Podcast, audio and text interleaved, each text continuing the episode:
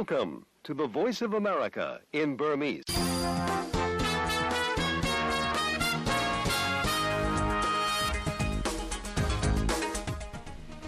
မင်္ဂလာပါ VOA American အတန်ရဲ့2024ခုနှစ်ဖေဖော်ဝါရီလ24ရက်နေ့တနင်္ဂနွေနေ့မနေ့ဘက်ရေဒီယိုရုပ်သံအစီအစဉ်တွေကို American ပြည်ထောင်စု Washington DC မြို့တော်ကနေဓာတ်ရိုက်စတင်ထုတ်လွှင့်နေပါပြီ။ဒါအပြင် VOA ရဲ့ Facebook နဲ့ YouTube စာမျက်နှာတွေကပါတပြိုင်နက်တည်းဓာတ်ရိုက်ထုတ်လွှင့်နေပါပြီ။ ကျွန်တော်ကဇော်မိုးကျော်ပါခင်ဗျာဒီကနေ့မနေ့ပဲအတန်းနဲ့စီစဉ်တွေကိုတာဝန်ယူတင်ဆက်သွားမှာပါ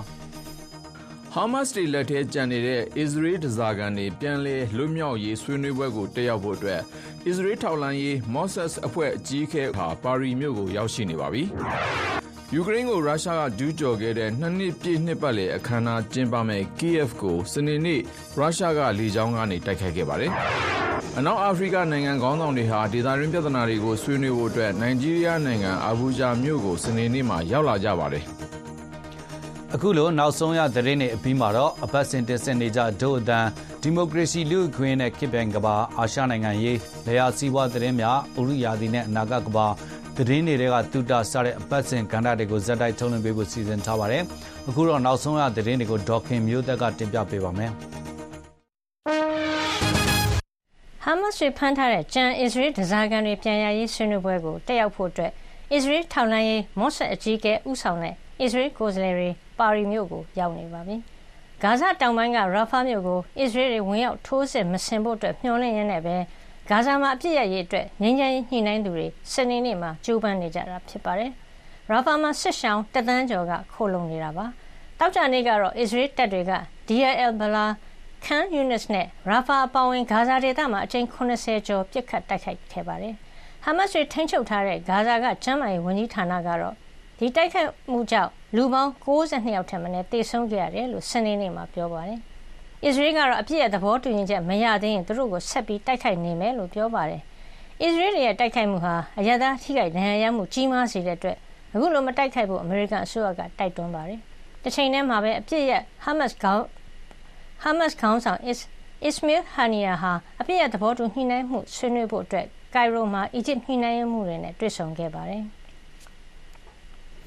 ယူကရိန်းတောင်ပိုင်းအိုဒက်ဆာစိတ်ကမ်းမြို့ကလူနေအဆောက်အဦတစ်ခုကို ရုရှားဘက်ကပစ်ခတ်တဲ့ drone ထိမှန်ခဲ့တဲ့အတွက် တယောက်ထက်မနည်း သေဆုံးရတယ်လို့အများပြား ဒဏ်ရာရခဲ့တယ်လို့ ယူကရိန်းအရာရှိတွေက ပြောပါတယ်။ရုရှားဘက်က ညဘက်မှာ လေကြောင်းက တိုက်ခိုက်ခဲ့ပြီး သူတို့ပစ်ခတ်ခဲ့တဲ့ drone အများအပြားကို ပစ်ချဖျက်ဆီးနိုင်ခဲ့တယ်လို့ ယူကရိန်းစစ်တပ်က ပြောပါတယ်။ယူကရိန်းကို ရုရှားကျူးကျော်တဲ့နှစ်နှစ်ပြည့် နှစ်ပတ်လည်အခမ်းအနား ကျင်းပမယ့် Kyiv ကို စနေနေ့ အနောက်နိုင်ငံခေါင်းဆောင်တွေ တက်ရောက်ဖို့အတွက်စုဝေးဖို့ ပြင်ဆင်နေချိန်မှာပဲ အခုလို ရုရှားဘက်က ပစ်ခတ်တာ ဖြစ်ပါတယ်။တက်ရောက်မယ့် ခေါင်းဆောင်တွေထဲမှာ ဥရောပကော်မရှင်အကြီးအကဲ Ursula von der Leyen, အီတလီဝန်ကြီးချုပ် Giorgia Meloni,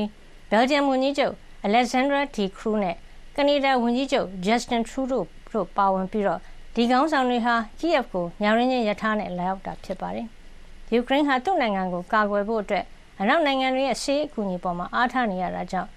သူ့ကိုဒီဆေးအကူအညီတွေဆက်ပြီးပေးအပ်ဖို့အတွက်ယူကရိန်းကပန်ကြားနေတာဖြစ်ပါတယ်။အမေရိကန်ရဲ့ဆေးအကူအညီဟာအဓိကဖြစ်ကြောင်း တောက်ကြတဲ့သတင်းစာရှင်းလင်းပွဲမှာယူကရိန်းသမ္မတဗိုလိုဒီမီယာဇယ်လန်စကီကပြောကြားခဲ့တာပါ။ပုံရဟန်းမင်းကြီးဖရန်စစ်ဟာတုတ်ကွေးကူးစက်ရောဂါအပျော့စားခံစားနေရတဲ့အတွက်ကြိုတင်ကာကွယ်တဲ့အနေနဲ့ဖះเจ้าတွေရဲ့ဝေယဝိဆကိုဆောင်ရွက်နေတဲ့ဂိုင်းတောက်ဖုံးတော်ကြီးတွေနဲ့စနေမနေ့ပိုင်းတွေ့ဆုံပွဲကိုဖျက်သိမ်းခဲ့ရတယ်လို့ဗာတီကန်နန်းတော်ကနေသတင်းထုတ်ပြန်ပါတယ်။ဒါပေမဲ့တနင်္ဂနွေနေ့ပုံမှန်ပြုလုပ်နေကြလူမှုပရိသတ်နဲ့ ဝတ်ပြုဆုတောင်းပွဲကိုတော့ငကိုအစီအစဉ်တိုင်းပဲဆက်ပြီးလှုပ်သွားဖို့ရှိတယ်လို့ညွှန်နေရပါတယ်။တက်တော်80 89နှစ်ရှိပြီဖြစ်တဲ့ပိုဟန်မင်းကြီးဟာပြီးခဲ့တဲ့နှစ်တွေကစပြီးကျန်းမာရေးချို့တက်လာနေပြီးတော့အသက်ရှူလမ်းကြောင်းဆိုင်ရာပြဿနာကြောင့်နိုင်ငံတကာခီးစဉ်တွေနဲ့ဘာသာရေးပွဲတွေကိုဖျက်သိမ်းလိုက်ရတာများပါတယ်။ပိုဟမ်မင်းကြီးဖရန်စစ်ဟာငယ်စဉ်ကတည်းကကြောက်ကတ်တလုံးကိုဖြုတ်ထားရတာဖြစ်ပြီးသူ့ရဲ့မွေးရမြေအာဂျင်တီးနားမှာနေလာခဲ့တာပါ။ 2021တုန်းကလည်းဥလန်းချောင်းကိုခွဲစိတ်ကူတာခံယူခဲ့ရတာဖြစ်ပါတယ်။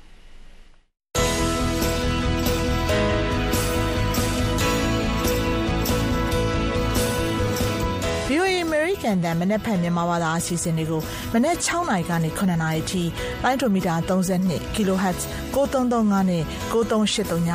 လိုင်းဒိုမီတာ49 kHz 6153ညပထမနိုင်ဝက်မှာလှိုင်းလက်မီတာ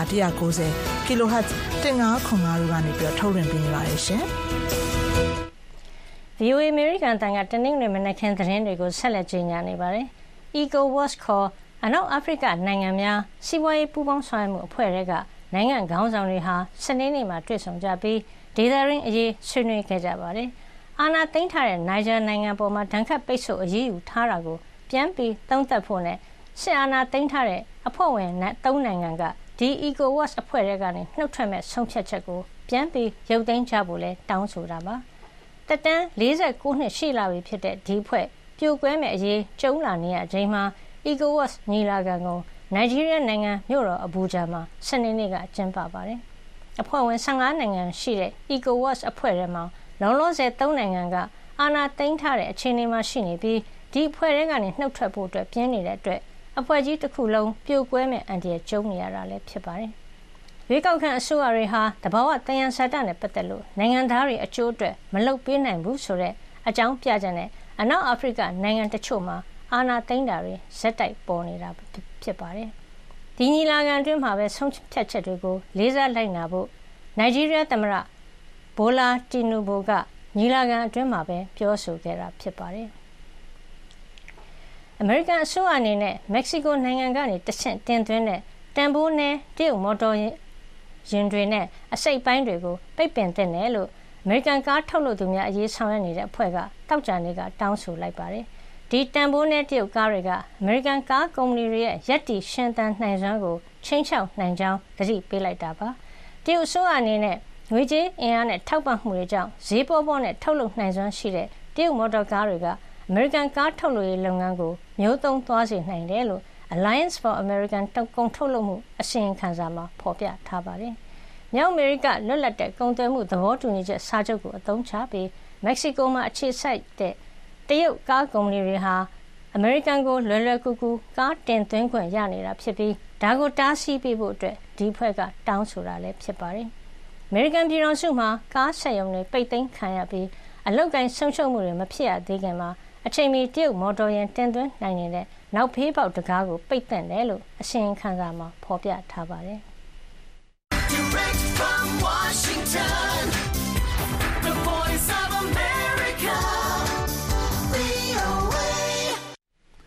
သတင်းတွေကို ဒေါခင်မျိုးသက်ပြောပြပေးသွားတာပါ VOA ရဲ့ တနင်္ဂနွေနေ့ မနက်ဘက်အတန်လွင့်အစီအစဉ်တွေကို ဆက်လက်ထုတ်လွှင့်နေပါတယ် အခုတော့ အပတ်စဉ်ကဏ္ဍတွေကို စတင်တင်ဆက်ပါမယ် ပထမဆုံးအနေနဲ့ကတော့ ဒို့အတန်အစီအစဉ်ဖြစ်ပါတယ်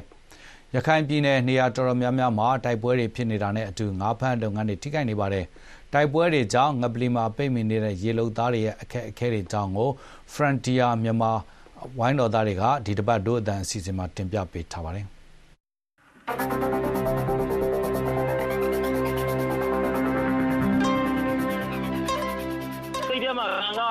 စားရတာပေါ့တာသမီမစားနိုင်တော့မိဘတယောက်ကရှာတယ်နေရောညာရှာလို့မှစံတပြေလောက်တော့မရတာအဲ့လိုအခက်အခဲတွေကြုံလာရတယ်ကင်းလည်းမရှိရဘူးဆိုတာနဲ့ငါးဖက်လုံးကနေရဆိုင်သွားပြီဆိုတာနဲ့ဒါကျွန်တော်တို့ကိုမောမှာလှုပ်ရှားနေတဲ့လူတွေပါရေးရောက်နေတဲ့လူတွေကစပြီးတော့အားလုံးကခက်ခဲသွားငါးဖမ်းလုပ်ငန်းဆိုတာကရခိုင်ပြည်နယ်ရဲ့အကြီးဆုံးစီးပွားရေးလုပ်ငန်းတွေကတစ်ခုဖြစ်ပါတယ်။ ဒါပေမဲ့ရခိုင်ပြည်နယ်တွင်နေရအနှံ့မှာဖြစ်ပွားနေတဲ့တိုက်ပွဲပဋိပက္ခတွေကြောင့်ဒီဇင်ဘာလကလေးကငပလီကမ်းခြေဧရိယာတဝိုက်မှာငါးဖမ်းလေထွက်ပြီးလောက်ကင်တာကိုခွင့်မပြုတော့ပါဘူး။ဒါဟာဒေသခံတွေနဲ့ရာသီပေါ်ငါးဖမ်းလုပ်ငန်းလာရောက်လောက်ကင်ကြသူတွေကိုပါဒုက္ခတွေကြုံပြီးဘဝပြတ်တဲ့အထိဖြစ်သွားစေခဲ့ပါတယ်။မင်္ဂလာပါရှင်မြန်မာနိုင်ငံတဝန်းကလူအခွင့်အရေးနဲ့ပတ်သက်တဲ့အကြောင်းအရာတွေကိုတင်ဆက်ပေးနေတဲ့ဒို့အတန်အပတ်စဉ် podcast အစီအစဉ်ကနေကြိုဆိုပါရစေ။ ဒီအစီအစဉ်ကို Foundation Hero တဲကကူညီပံ့ပိုးပေးထားတာပါ။ဒီတစ်ပတ်အစီအစဉ်ကိုတော့ဒို့အတန်ရဲ့အလွတ်တန်သတင်းတောက်ကရေးသားထားပြီးဒို့အတန်အဖွဲ့သားတွေကဆက်လက်တင်ဆက်ပေးသွားမှာပါ။ဆောင်းပါအတွင်းလုံခြုံရေးအခြေအနေတွေကြောင့်နာမည်တွေနဲ့အတန်တချို့ကိုပြောင်းလဲအသုံးပြုထားပါတယ်ရှင်။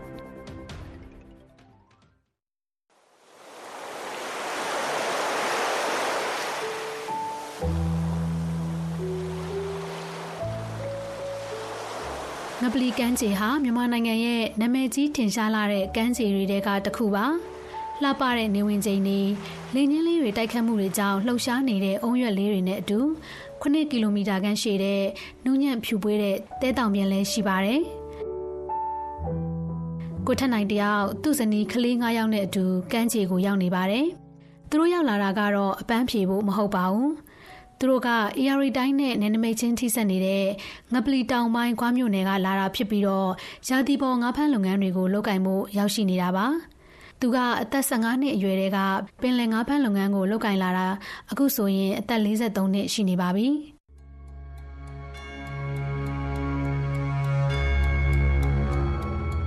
ပြီးခဲ့တဲ့နှစ်ရခိုင်ပြည်နယ်မှာတိုက်ပွဲတွေပြင်းထန်လာချိန်ကနေစပြီးစစ်ကောင်စီကကုန်းလန်းနဲ့ရေလံခီးသွားလာမှုတွေကိုတင်းကျပ်လိုက်ပါတယ်။ဒီဇင်ဘာလမှာတော့ငပလီကမ်းခြေတလျှောက်ငါးဖမ်းခွင့်တွေကိုပါပိတ်လိုက်တာပါ။ဒါတွေကြောင့်ပဲကိုထက်နိုင်တို့အိမ်ပြန်လို့မရတော့သလိုမိသားစုစားဝင်နေရေးအတွက်အလုပ်ပါမလုပ်နိုင်ကြတော့ပါဘူး။လက်ရှိချိန်မှာတော့သူတို့စားနေကြဆန်ရဲ့တဝက်လောက်သာစားနိုင်တဲ့အခြေအနေပါ။ သူအဲ့ဒါပိတ်သွားတော့ငက်ပြက်နေကြပါခယူကနန်း ဂျိုင်မာကောက်စားလဲကောက်စားလိုက်မယ် ညမနက်စာကို ဟိုတပြေနေလုံးချက်ဖို့နေရာမှာ တလုံးနှလုံးကဥစားနေရတယ် ညမနက်ကိုတွေးနေရတာပေါ့တောက်တော့ဟာကို ညနေမစားအလမီဖြစ်နေတာပေါ့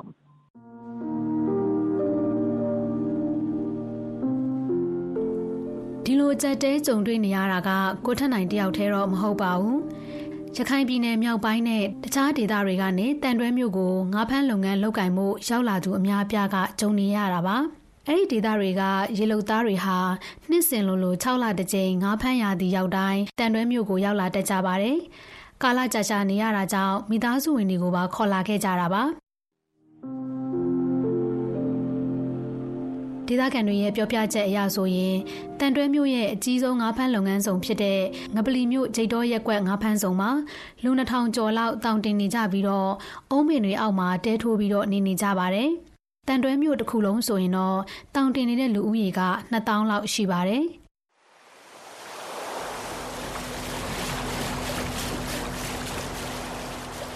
ငါးဖမ်းခွင့်ရတဲ့နှစ်တွေတုန်းကဆိုရင်ရေထားရန်လို့ခေါ်တဲ့ငါးဖမ်းလို့ရတဲ့ရက်တင်မှာတပတ်လောက်ငါးစင်းဖမ်းလိုက်ပြီဆိုတာနဲ့အနည်းဆုံးငွေ8000တသိန်းလောက်ရပြီးအမျိုးသမီးတွေကတော့ငါးတွေကိုငချောက်ပြုတ်လုပ်တာတွေငဆက်နယ်ပြုတ်လုပ်တာတွေမှာဝင်ရောက်လောက်ကင်ကြတာမို့ရေလုံသားတွေဟာစားဝင်နေရေးအဆင်ပြေခဲ့ကြပါတယ်။အခုတော့ဘသူကမှအလုပ်လုပ်လို့မရတော့ပါဘူး။မမမီအေးနဲ့သူ့မိသားစုကကြောက်ဖြူမျိုးကနေရောက်ရှိလာတာပါ။ သူမကလည်းသူမယောက်ျားကလေး၃ယောက်နဲ့အတူငပလီမှာတောင်းတင်နေပါတယ်။သူမကြုံတွေ့နေရတဲ့လက်ရှိစားဝင်နေရဲ့အခက်အခဲတွေနဲ့ပတ်သက်ပြီးဒို့အတန်ကိုအခုလိုပဲပြောပြပါဗျ။အလုံးလေးလေးလားငါးလားရှိပြီပေါ့အလုံးမရှိတာ။အမျိုးအလုံးမရှိအကိမရှိစားရလဲအဆင်မပြေခါကြလို့ရှိရင်ဟိုဆန်ဘူးရှိတာတော့သမီးကိုကျွေးကိုကတော့အမေလေးကိုတောက်ခံဆေးမိုင်ဆေးကိုမိုင်လာဝီးရနေရကိုလေ ဆန်လေးပါလေးတောင်းပြီးတော့သွားပြီးတော့စားရတယ်တောင်ကိုထက်ကိုတက်တယ်ထင်းလေးပါလေးချွေတယ်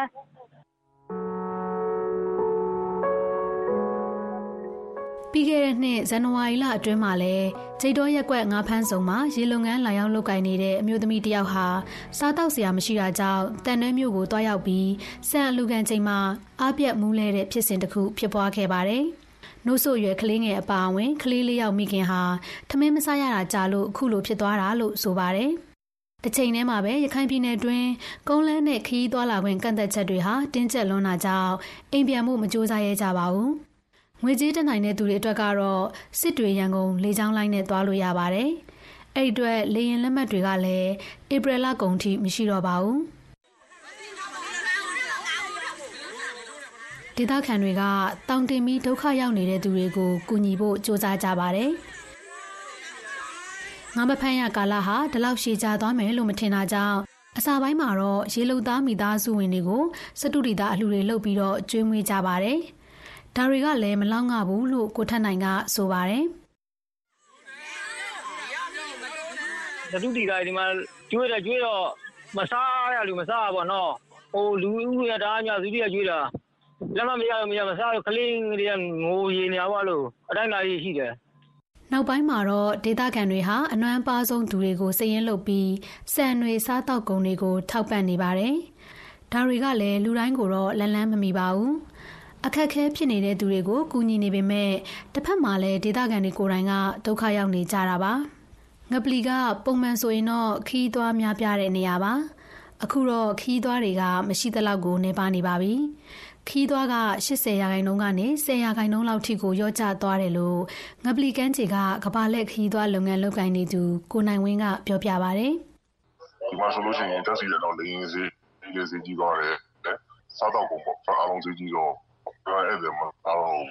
ရှားတော့ဟိုအဲ့ဒါပိတ်တယ်ဟိုတယ်ပိတ်တယ်ဟိုတယ်ရောမပိတ်ဘူးပေါ့ဒါပေမဲ့ဝန်ထမ်းတွေနားပြီးတော့လည်းအရင်မဖွင့်တော့ဘူးနော်ဟိုဖွင့်တယ်ဆိုတော့အစုံလောက်ပဲပြထားလိုက်တယ်ပေါ့ အဲ့လိုပဲပေါ့ဟိုအဲ့ဒါလည်းမရှိကြပါဘူးဟိုတိုင်းမှာဟိုတရားဒီတခုတခုကနှစ်ခုသာဝယ်ရှိတယ်ခင်ဗျငါဖန်ခွင်းနဲ့ခီးသွားလာခွင့်ပိတ်တာတွေကဒေသခံအများအပြားကိုဒုက္ခရောက်စေပါတယ်။ကိုတန်းထိုက်ကကုန်းရဆိုင်ဖွင့်ထားပါတယ်။ဒီမှာနေထိုင်ကြတဲ့ဒေသခံတွေဟာငါးဖမ်းလုပ်ငန်းလုပ်ကိုင်နေတဲ့သူတွေကိုမိခိုပြီးဈေးရောင်းချတာတွေလည်းရှိတယ်လို့ဆိုပါတယ်။ငါးမဖမ်းရဘူးဆိုရင်ကျွန်တော်တို့ ဒီဒေသကကျွန်တော်တို့ငါးဖမ်းလုပ်ငန်းနဲ့လေပတ်နေတာအားလုံးကကျွန်တော်အိမ်မှာဈေးထိုင်လေးလေးရောင်းတယ်။ဟိုဈေးထိုင်ဆိုတာကျွန်တော်တို့ကိုကိုကိုရှိပေါ့ဗျာ။ပင်လယ်မရှင်းရဘူးဆိုတာနဲ့ငါးဖမ်းလုပ်ငန်းတွေရက်ဆိုင်သွားပြီဆိုတာနဲ့ဒါကျွန်တော်တို့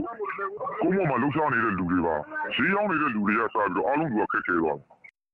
ဒီလိုအခြေအနေတွေဟာရေရှည်ဖြစ်လာမယ်ဆိုရင်တော့တောင့်ခံမှုခက်ခဲတယ်လို့ဒေသခံတွေကပြောနေကြပါတယ်။ ဒီလိုများပြတဲ့သူတွေဟာရေရှည်စားဝင်နေရေးကြက်တဲငက်ပြက်လာမယ်ဆိုရင်တော့လူချင်းဝတ်တွေကိုမလိုက်နာနိုင်တော့ဘဲနဲ့ခိုးဆိုးလူနိုင်တွေဖြစ်လာမှာကိုလည်းစိုးရိမ်တယ်လို့ကိုတန်းထိုက်ကပြောပြပါတယ်။အခုလိုဖြစ်နေတဲ့ကိစ္စတော့ဒါမကောင်းဘူးပေါ့ဗျာ။ကျွန်တော်တို့စီမှာစီမဖြစ်ဘူးဆိုပြီးမှလည်းတခြားနေရာမှာဖြစ်နေတဲ့စီးပွားရေးစစ်တမ်းတွေကဒါကျွန်တော်တို့ခံစားနေရတာပေါ့။ခံစားနေရတဲ့အတွက်လူတွေအတိဒုက္ခရောက်လာတဲ့ဟာရေရှည်လာမယ်ဆိုလို့ရှိရင်ဘာဖြစ်သွားနိုင်လဲဆိုတော့ကျွန်တော်တို့ကဒါထက်မက ခက်ခဲလာမယ်တက်တက်လာမယ်ဆိုလို့ရှိရင်တော့ကျွန်တော်တို့ကနောက်ဆုံးမှာဘာဖြစ်လာမလဲဆိုတော့ခိုးဆိုးလူနိုင်ဒီမှာတော့များလာမယ်ဆိုတော့အရှင်တွေကိုရောက်လာမယ်ပေါ့မစားဘူးဆိုရင်တော့စားရတဲ့လူကတောင်းပါပဲလေတောင်းလို့မရဘူးဆိုလို့ရှိရင်တော့လည်းလူမှာပဲအဲနောက်လူလို့မရဘူးဆိုလို့ရှိရင်တော့လည်းရတယ်လို့လုပ်မယ်ဆိုတော့ဟိုအတွေးတွေတော့ဝင်လာမှာပဲ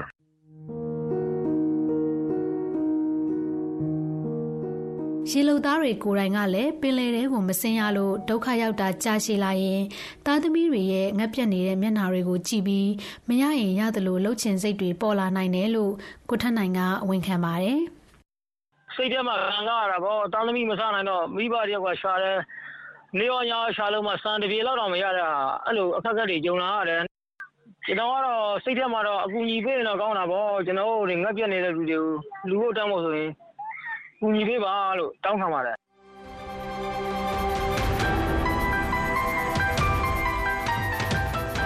ဒို့အတန်ရဲ့ဒီတစ်ပတ်အစီအစဉ်ကိုနားဆင်ပေးခဲ့တဲ့အတွက်ကျေးဇူးတင်ပါတယ်ရှင်။နားဆင်သူတွေရဲ့လူမှုကွန်ရက်ပေါ်ကနေဝေဖန်အကြံပေးတာတွေကိုလည်းကြိုဆိုပါရစေ။ဒီအစီအစဉ်ကိုအလှူရှင်တွေရဲ့ကူညီမှုနဲ့ Foundation Heron Day ကပံ့ပိုးပေးထားတာဖြစ်ပါတယ်။ဒို့အတန်အပတ်စဉ်အတန်လွင့်အစီအစဉ်ကို Frontier မြန်မာ website နဲ့ Facebook စာမျက်နှာတွေအပြင်ဒို့အတန် Facebook စာမျက်နှာ SoundCloud YouTube iTunes Spotify နဲ့ Google Podcast တို့ကနေလည်းဝင်ရောက်နားဆင်နိုင်မှာဖြစ်တယ်လို့ VOA ကထုတ်လွှင့်တဲ့ရေဒီယိုအစီအစဉ်မှာလည်းစနေနေ့ည9:00နာရီကနေ10:00နာရီအတွင်းနဲ့တနင်္ဂနွေနေ့နနက်6:00နာရီကနေ9:00နာရီအတွင်းမှာလည်းနားဆင်နိုင်ပါတယ်။နောက်တစ်ပတ်ထုတ်လွှင့်မယ့်ဒို့အတန် Podcast ကိုလည်းစောင့်မျှော်နားဆင်ပေးပါဦးရှင်။ VOA အစီအစဉ်တွေကိုရေဒီယိုရုံမြင်တန်ကြားတို့ဖြင့် Facebook စာမျက်နှာကနေပြီးတော့လည်းနားဆင်ကြည့်ရှုနိုင်ပါတယ်။ VOA မြန်မာပိုင်း Facebook စာမျက်နှာလိပ်စာကတော့ facebook.com/voaburmese ဖြစ်ပါတယ်။အခုဆက်လက်ပြီးတော့အပတ်စဉ်ကဏ္ဍတပုတ်ဖြစ်တဲ့ဒီမိုကရေစီလူ့အခွင့်အရေးနဲ့ခေတ်ပြိုင်ကမ္ဘာအစီအစဉ်ကိုတင်ဆက်ပါအောင်မယ်။ဗုဒ္ဓသာသနာအတွင်းအမျိုးသမီးတွေရဲ့အခမ်းကဏ္ဍမှာနှစ်တရာလောက်အမျော်အမြင်ကြီးမား ခေတ်ရှေ့ပြေးတဲ့ ဆရာတော်တစ်ပါးရှိခဲ့ပေမဲ့ဗုဒ္ဓဘာသာအမိခံ ဘာသာရေးအဝန်ဝိုင်းတချို့ကြောင့် မြန်မာနိုင်ငံဟာ ခေတ်နောက်ကျ ကျန်နေခဲ့ပါပြီလား ဓမ္မကျောင်းတွေကို ထူထောင်ခဲ့သူ ဒေါ်ကေတုမာလာနဲ့ ဦးတင်မောင်တန်းတို့က ဆွေးနွေးတင်ပြထားပါတယ်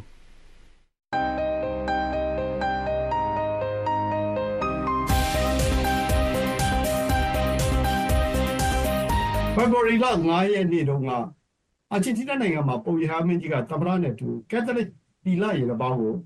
ပထမဦးဆုံးအမျိုးသမီးသူတော်စင်ဖြစ်သတ်မှတ်တဲ့အခမ်းအနားတယောက်ဖြစ်ပါတယ်။ထိုင်းနိုင်ငံမှာဆိုရင်လည်း2019ခုနှစ်မတိုင်ခင်ကဘိက္ခုနီလှုပ်ရှားမှုတရက်ပေါ်ခဲ့ပြီး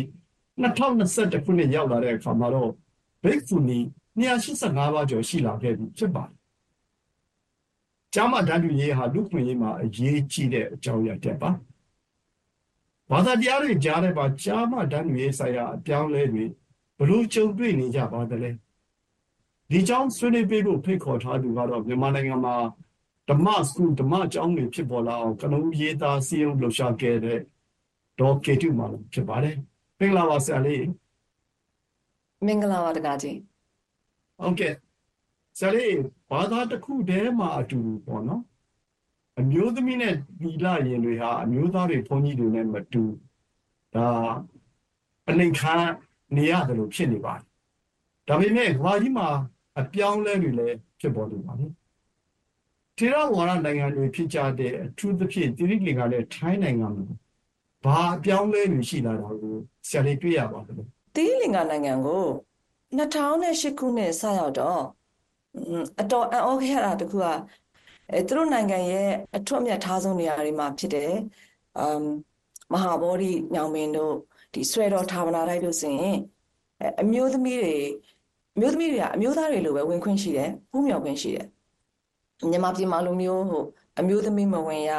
အမျိုးသမီးမတက်ရဆိုတဲ့ဆိုင်းဘုတ်တွေမတွေ့ရအောင်ပြီးတော့သူတို့စီမှာအဲဒသစီလမာတာရောဘိက္ခုနီရောရှိတယ်ဒသစီလမာတာဆိုတာကဒီတိလရှင်လိုမျိုးပဲ၁၀ပါးတိလစောက်ထင်းကြတဲ့သူတွေဖြစ်တယ်အဲဘိက္ခုနီကြတော့ အဲဘိက္ခုရတန်ခါထံမှာရောဘိက္ခုနီတန်ခါထံမှာပါတိမ်ဝင်ပြီးတော့ယဟန်မပြုတ်ထားတဲ့သူတွေဖြစ်တယ်ပြီးတော့သူတို့တွေက312ပါးသောသိက္ခာပုဒ်တွေကိုကျင့်ရတဲ့သူတွေဖြစ်တယ်ဒီနှမျိုးလုံးဒီလင်္ကာမှာတွေ့ရတယ်ပြီးတော့အရက်ထဲရထဲတရားဟောတဲ့နေရာမှာလည်းယဟန်တွေတာမကယဟန်မတွေလည်းတရားဟောပြောကြတာနေရာတော်တော်ညမှာတွေ့ရတယ်အဲဥပုံတွေတွေမျိုးဆိုရင်သူတို့တွေရဲ့ဓမ္မယုံမှာ တဏီကုံတရားပွဲတွေရှိတယ်အဲပလင်ပေါ်မှာတရားဟောကြတာတပါးပြီးတပါးပဲအဲ့ဒီမှာဆရာတော်ကြီးတွေပါတယ်လို့မျိုးဘိက္ခုနီကြီးတွေလည်းပါတယ်ဟောဘိက္ခုယဟန်တရားဟောပြီးလို့ဆင်းသွားတဲ့အဲ့ဒီပလင်ပေါ်မှာပဲဘိက္ခုနီယဟန်မှာတပါးကတရားတက်ဟောနေတာလေတွေ့ရတာပဲတရားနာပရိသတ်တွေအတွက်ကလည်းအဲ့ဒါကအထူးဆန်းဖြစ်မနေဘူးသမယောချပုံစံတစ်ခုလိုပဲပြီးတော့စွန့်လူတွေမှာဆိုရင်လည်းယဟန်တွေကမက ကိုရင်တွေလည်းအနုမောဒနာတရားချင်းမြင်ကြသလိုမျိုးယဟန်မတွေဒါမကတိလရှင်လေးတွေလည်းပဲတရားချင်းမြင်ကြတာတွေ့ရတယ်ဒါကတိလလင်္ကာမှာတွေ့ခဲ့ကိုယ်တိုင်တွေ့ခဲ့တာတွေပေါ့ထိုင်းမှာဆိုရင်မဲ့ချီလို့ခေါ်တဲ့ဒီအဖြူဝတ်သီလရှင်တွေလည်းရှိတယ်လို့မျိုးဘိက္ခုနီယဟန်မတွေလည်းရှိတယ်အဲထိုင်းကအဖြူဝတ်သီလရှင်ကြီးတစ်ပါးဆိုရင်အာစိန်ဘူးတော်ကိုကိုယ်တိုင်တက်ပြီးတော့တင်တာလည်းတွေ့ခဲ့ဘူးတဲ့နောက် အာရထဲရွာထဲမှာတပိတ်ပိုက်ပြီးတော့ဆုံးခံကြွနေတဲ့ဘိက္ခုနီယဟန်မတွေလည်းရှိကြတယ်အဲပြီးတော့အခုနောက်ပိုင်းဆိုရင်တကြံပိတ်ရက်တွေလိုမျိုးမှာဆိုရင်ဒီအမျိုးသမီးငယ်လေးတွေဟာအမျိုးသားတွေလိုပဲမြင့်မြတ်တဲ့ယဟန်အဖြစ်ဒုံလဘတ်ဝတ်ကြတယ်ဒုံလဘတ်ယဟန်ခံပွဲအစီအစဉ်တွေရှိလာတာလည်းတွေ့ရတယ်အဲ့ဒီအပြောင်းလဲတွေနဲ့နှိုင်းရှင်ပြီးတော့ပေါ့နော်မြန်မာနိုင်ငံရဲ့အခြေအနေကိုတော့ဇာတ်လေးနည်းနည်းလေးများပြောပြပေးပါဦး อืมမြန်မာပြည်မှာကြတော့အဲဖះတွေမှာပဲအမျိုးသမီးမတက်ရဆိုင်းဘုတ်တွေတွေ့ရတာမဟုတ်တော့အခုကြာဖះနာကရေကန်တွေမှာပါအာဤရေကန်သည်မင်္ဂလာရှိသောရေကန်ဖြစ်ပါသောကြောင့်အမျိုးသမီးများမဆင်းရဆိုတဲ့ဆိုင်းဘုတ်အဲ့လိုဆိုင်းဘုတ်တွေပါတွေ့လာရပါတယ်ဒါကိုကြည့်လိုက်တာနဲ့ညီမလူဖွဲ့စီမှာဒီလိုအမျိုးသမီးတွေကိုတန်ဖိုးမထားတဲ့အမျိုးသမီးတွေကိုမစင်ကြဲသူအဖြစ်ဘုံနေသူဖြစ်သတ်မှတ်တဲ့ဘာသာရေးသလေးထုံးစံတွေ အတော်အားကောင်းနေတော့မှာပဲအဲတီလာရှင်တွေဘက်ကိုကြည့်ရင်လေသူကအတန်ကဘောင်တဲ့ကမဟုတ်လို့ဟိုတန်ကအဖွဲ့အစည်းထဲမှာပါတယ်လို့မျိုးအိမ်ရတီတောင်လူပောင်ကိုစွန့်ခွာလာတာမို့လို့လူ့ချောင်အုပ်စုထဲမှာလည်းမပါဘူးအဲ့တော့တီလာရှင်ကဘေးရောက်နေတဲ့တီချအစုအဖွဲ့တစ်ခုလို့ဖြစ်နေတယ်သူ့ကိုခေါ်တာတော့မှသာသနာ့ຫນွယ်ဝင်တီလာရှင်လို့ပဲခေါ်တယ်အຫນွယ်ဝင်အဖြစ်ပဲသတ်မှတ်တယ်ပေါ့ ဒီတန်ခါအဖွဲ့အစည်းတွေလည်းမပါသလိုလူဖို့လည်းမဟုတ်တာမို့လို့တချို့အခြေအနေတွေမှာဆိုရင်တီလာရှင်တွေအတွက်ထိုင်ဖို့နေရာတော့မရှိဘူးအာ60 plan တွေမှာတော့ပါမနေဘူးအဲတချို့စုပေးပွဲတွေဆိုရင်အာစုရတဲ့အဆင့်တန်းချင်းတူလာတော့ရဟန်းတွေကြတော့ထိုင်ကပေါ်မှာထိုင်ပြီးတော့စုလက်ခံယူရတယ်ဒါပေမဲ့တီလာရှင်တွေကြတော့ခုံအောက်ကကျမ်းပြင်ပေါ်မှာထိုင်ပြီးတော့ပဲစုလက်ခံယူရတယ် နောက်အာတိပိတကတရလိုမျိုးဆံမွေးပွဲလိုအစစ်မြေဆံမွေးပွဲတွေကိုသီလရှင်တွေဖြေဆိုခွင့်မရကြဘူးအဲ့လိုပဲ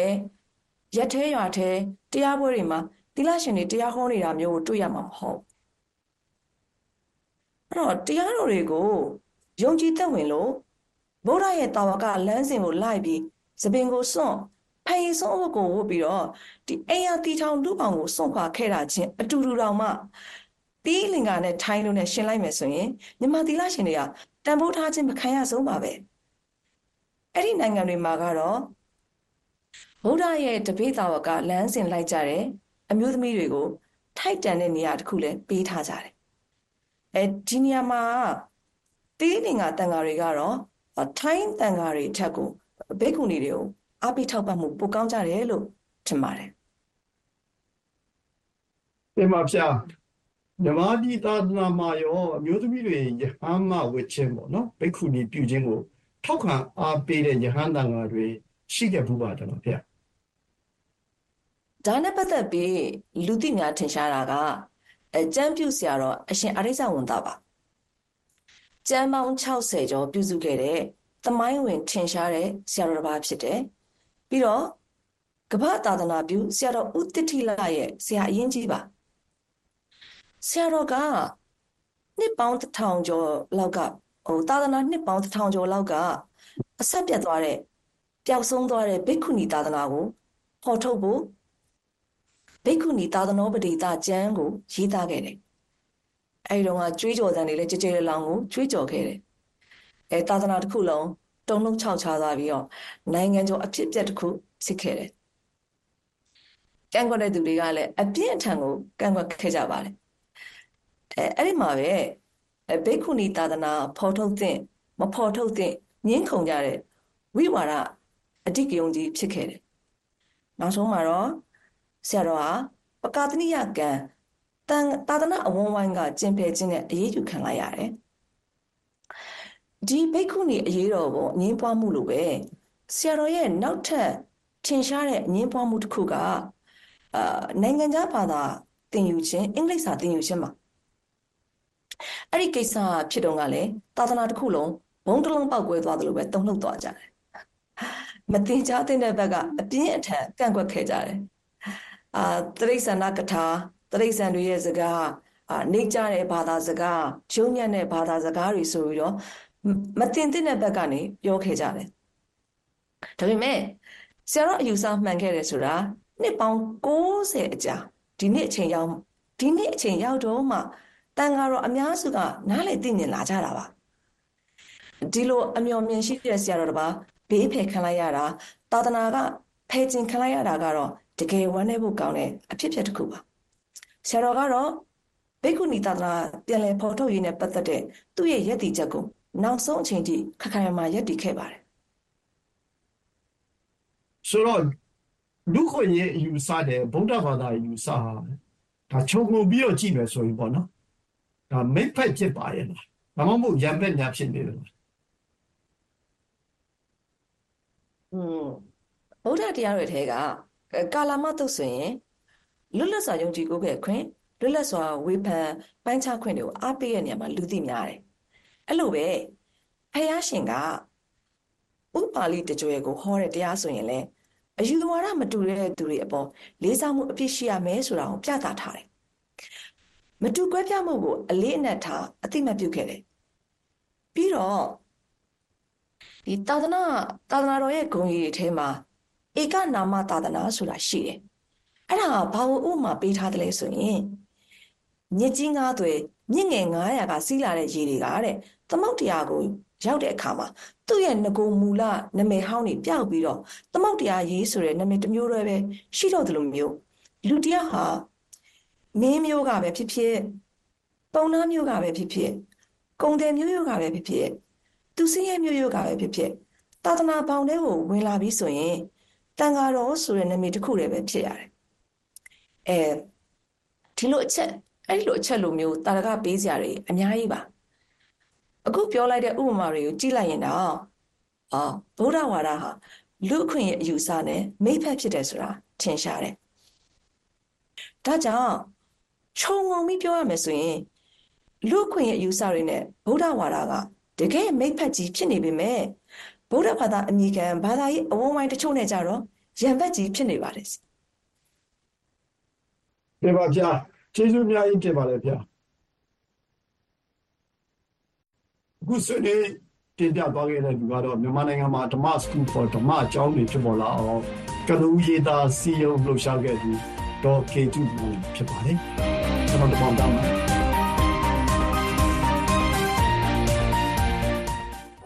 သတင်းမှန်တွေရဖို့အရေးကြီးတဲ့ဒီကနေ့ခေတ်မှာကမ္ဘာကြီးရဲ့ဘယ်ရက်ဒေတာမှာပဲရောက်နေပါစေ ခလုတ်တစ်ချက်နှိပ်လိုက်ရုံနဲ့သတင်းမှန်တွေရယူနိုင်ပါပြီလက်ပြားလေးနဲ့တစ်ချက်တောက်ရုံနဲ့ရယူနိုင်မဲ့သတင်းတွေနိုင်ငံရေးဖြစ်စဉ်တွေတကယ့်ဘဝဆက်လန်းတွေ one click ခလုတ်တစ်ချက်နှိပ်ရုံနဲ့ကမ္ဘာရဲ့ရက်ကအတန်တွေကိုချိတ်ဆက်နားဆင်နိုင်မှာဖြစ်ပါတယ်ဘယ်ချိန်ဘယ်နေရာကပဲဖြစ်ဖြစ် VOA Plus application ကို download ရယူပါ မင်္ဂလာပါ VOA ရဲ့တနင်္ဂနွေနေ့မနက်ဘက်ရေဒီယိုရုပ်သံအစီအစဉ်တွေကိုဝါရှင်တန် DC မြို့တော်ကနေဆက်လက်ထုတ်လွှင့်နေပါတယ်ရေဒီယိုအသံလွှင့်အစီအစဉ်တွေကိုတော့လိုင်းနိုမီတာ30နဲ့49နဲ့လိုင်းလမီတာ190တို့ကနေဖမ်းယူနားတော်တာဆင်နိုင်ပါတယ်ဆက်လက်ပြီးတော့ပတ်စင်ကန္တာတွေဖြစ်တဲ့အာရှနိုင်ငံရေးလျှာစီးပွားသတင်းများဥရုယာတီနဲ့အနာဂတ်ကဘာသတင်းတွေကသတင်းတွေတဲကတုတဆတဲ့အစီအစဉ်ကိုဇက်တိုက်ထုတ်လွှင့်ပေးပါအောင်မယ်ပထမဦးဆုံးကတော့အာရှနိုင်ငံရေးအစီအစဉ်ကိုတင်ဆက်ပါမယ်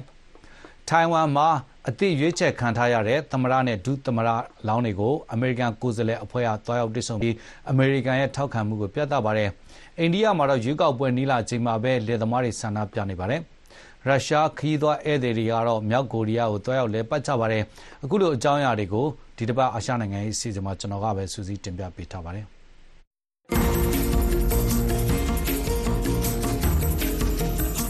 ထိုင်ဝမ်မှာ အသည့်ရွေးချယ်ခံထားရတဲ့ သမရလောင်းလိုက်ချင်းတေနဲ့ ဒုတိယသမရလောင်းရှောင်းပိုင်ခင်တို့ကို ပြီးခဲ့တဲ့ ဖေဖော်ဝါရီလ22ရက်နေ့ ကြာသပတေးနေ့က အမေရိကန် ရီပတ်ဘလစ်ကန်အမတ်မိုက်ဂလဂါနဲ့ ဒီမိုကရက်အမတ်ရာဂျာခရစ်နာမိုတီတို့ဦးဆောင်တဲ့ ကိုယ်စားလှယ်အဖွဲ့တွားရောက်တွေ့ဆုံခဲ့ပြီး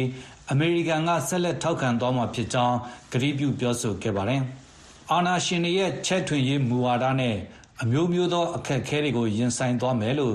အရွေးချယ်ခံ သမ္မတလောင်း Lai Ching-te က အမေရိကန်ကိုယ်စားလှယ်အဖွဲ့ကို ပြောဆိုခဲ့ပါတယ်။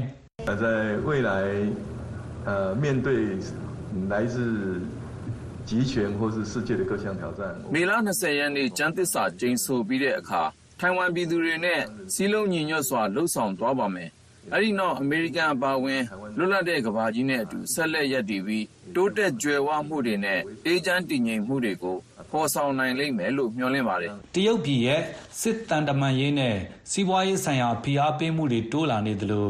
ကမ္ဘာလုံးဆိုင်ရာ ပထဝီနိုင်ငံရေးအနေအထားလည်း အလျင်အမြန် ပြောင်းလဲလာနေပါတယ်။ဒါပေမဲ့ ထိုင်ဝမ်အနေနဲ့ ဒီမိုကရေစီလမ်းကြောင်းကို ဆက်လက်ရှောင်လန်းမှာသာ ဖြစ်တယ်လို့လည်း လိုက်ချင်းတွေက ပြောပါတယ်။ Republican အမတ် Mike Gallagher ကလည်း အမေရိကန်အနေနဲ့ ဆက်လက်ထောက်ခံသွားမယ့်အကြောင်း ပြောဆိုခဲ့ပါတယ်။ And I think the message we want to send in a bipartisan fashion is that if Xi Jinping and the Chinese Communist Party were to ever အမေရိကန်လွှတ်တော်မှာရှိတဲ့ ပါတီနှစ်ရပ်လုံးအနေနဲ့ ပြောချင်တာကတော့ တရုတ်သမ္မတ ရှီကျင်းပင်နဲ့ တရုတ်ကွန်မြူနစ်ပါတီတို့က ထိုင်ဝမ်ကို မိုင်မဲစွာ ကျူးကျော်တိုက်ခိုက်မယ်ဆိုရင် ဒါဟာ အောင်မြင်မှာမဟုတ်ပါဘူး။ နောက်တစ်ချက်ကတော့ သင်အနေနဲ့ သမ္မတအဖြစ်တာဝန်ယူတဲ့အခါ အမေရိကန်အနေနဲ့ ထိုင်ဝမ်နဲ့ ဆက်လက်ရပ်တည်သွားမှာဖြစ်ပြီးနေဆိုင်တဲ့မဟာမိတ်ဖြစ်မှုနဲ့ အမေရိကန်လွှတ်တော်ရဲ့ ထောက်ခံအားပေးမှုတွေကို ရရှိမှာပါလို့ Mike Gallagher ကပြောဆိုသွားတာပါ အခုလိုအချိန်မှာပဲ အိန္ဒိယမှာတော့ လယ်သမားတွေက စိုက်ပျိုးရေးကဏ္ဍပြုပြင်ပြောင်းလဲရေးနဲ့တိနံထွက်ကုန်ဈေးကောင်းရရေးအတွက် ဆန္ဒပြချီတက်နေကြပါတယ် အဓိကကတော့ မြောက်ပိုင်း ပန်ဂျပ်ပြည်နယ်က လယ်သမားတွေဖြစ်ပြီး လွန်ခဲ့တဲ့10ရက်လောက်ကတည်းကစလို့ မြို့တော် နယူးဒေလီကို ချီတက်နေကြပါတယ်။ဝန်ကြီးချုပ် မိုဒီအစိုးရကလည်း လမ်းခရီးမှာ လုံခြုံရေးတွေ တင်းကျပ်စွာချထားပြီး ပိတ်ဆို့တားဆီးနေပါတယ်။ရဲနဲ့အထီကရုံးတွေဖြစ်ခဲ့ပြီး ဗုဒ္ဓဟူးနေ့က ဆန္ဒပြသူတဦး သေဆုံးခဲ့ပါတယ်။ဆန္ဒပြခေါင်းဆောင်တဦးဖြစ်တဲ့ဆာရဝန်စင်ပန်ဒဟာကအခုလို ပြောပါတယ်။ हमने भी प्रधानमंत्री बनाने के लिए वोट डाली होगी दी होगी ये देश सभी का है ကျွန်တော်တို့လည်းဝန်ကြီးချုပ်ရွေးချယ်ဖို့မဲပေးရမှာပါဒီတိုင်းပြည်ကလူတိုင်းအတွက်ပါဝန်ကြီးချုပ်ဟာလည်းနိုင်ငံသားတိုင်းအတွက်ပါ ဝန်ကြီးချုပ်မိုဒီအနေနဲ့ထွက်လာပြီးဒီကိစ္စတွေကိုဖြေရှင်းပေးရပါမယ်။ကျွန်တော်တို့ရဲ့တောင်းဆိုချက်တွေကိုလက်ခံဖို့လိုပါတယ်။အိန္ဒိယရွေးကောက်ပွဲတွေဟာလာမယ့်ဧပြီနဲ့မေလလောက်မှာကျင်းပဖို့ရှိနေပါတယ်။ လယ်သမားတွေက သီးနှံ23မျိုးအတွက် ဝယ်ယူတဲ့ အနှိမ်ဆုံးဈေး သတ်မှတ်ချက်တွေကို တိုးပေးဖို့ ဒါအပြင်ရခင်ပြဋ္ဌာန်းထားတဲ့လေယာနဲ့လေယာထွက်ကုန် ဥပဒေတွေကို ပြင်ဆင်ပေးဖို့ တောင်းဆိုနေတာပါ ဟိန္ဒူအမျိုးသားရေးဝါဒီလို့ဆွဆွဲခံထားရတဲ့ ဝန်ကြီးချုပ် မိုဒီက လယ်သမားတွေရဲ့ စားဝတ်နေရေးအတွက် အလေးထားကြောင်းနဲ့ လိုအပ်တဲ့ မျိုးစေ့နီးပညာနဲ့ စက်ကိရိယာတွေ ထောက်ပံ့ပေးထားကြောင်း ဖေဖော်ဝါရီလ22ရက်နေ့တုန်းက X လူမှုကွန်ရက်မှာ ပထမအဆုံးအကြိမ် တုံ့ပြန်ပြောဆိုပါတယ်။ပန်ဂျပ်ပြည်နယ်ဟာ ခွဲထွက်ရေးလှုပ်ရှားမှုတွေရှိခဲ့ဘူးတဲ့ Sikh ဘာသာဝင်တွေအများဆုံးနေထိုင်ရာပြည်နယ်ဖြစ်ပါတယ်။လေသမားဆန္ဒပြပွဲတွေကို အတိုက်အခံတွေနဲ့ အလုသမားသမဂ္ဂတွေက ထောက်ခံပူးပေါင်းပါတယ်။ရွေးကောက်ပွဲမတိုင်မီ ဆန္ဒပြပွဲတွေ ကျေပြန့်သွားမှာကို ဝန်ကြီးချုပ်မိုဒီအစိုးရကတော့ စိုးရိမ်ပူပန်မှုတွေရှိနိုင်တယ်လို့ သုံးသပ်ကြပါတယ်။ အခုလိုအချိန်မှာပဲတောင်ကိုရီးယားနဲ့အမေရိကန်ကတော့ပူးတွဲစီးရေးလက်ကျင့်နေပြီးတောက်ကြနေ့တုန်းကအစင်းမြင့် Stats ဘုံကျဲတိုက်လေရင်တွေပါပြန်တန်းခဲ့ပါတယ်။မြောက်ကိုရီးယားကတော့ဒီနှစ်စမ်းပိုင်းမှာတင်မစ်ဇိုင်းဒုံးစမ်းသပ်တာ6ကြိမ်ရှိပြီဖြစ်ပါတယ်။စစ်ပစ်ခဲ့ရင်မြောက်ကိုရီးယားကပဲ့ထိန်းဒုံးတွေနဲ့ဝင်ရောက်လာတဲ့အမေရိကန်လေယာဉ်တင်သင်္ဘောတွေနဲ့ ဂျပန်မှာရှိတဲ့ အမေရိကန်စစ်စခန်းတွေကို ပစ်ခတ်တိုက်ခိုက်နိုင်တယ်လို့ ကျွမ်းကျင်သူတွေက ခန့်မှန်းထားပါတယ်။အခုလိုအခြေအနေမှာပဲ ပြီးခဲ့တဲ့အပတ်ထဲတုန်းကတော့ ရုရှားခရီးသွားတစ်ဖွဲ့ဟာ မြောက်ကိုရီးယားနိုင်ငံကို အပန်းဖြေခရီးအဖြစ် ရောက်ရှိလာခဲ့ပါတယ်။ဒါဟာ ကိုဗစ်ကပ်ဘေးအလွန် ပထမဆုံးအကြိမ် ခရီးသည်တွေ ရောက်လာတာပါ။2023ခုနှစ် စက်တင်ဘာလက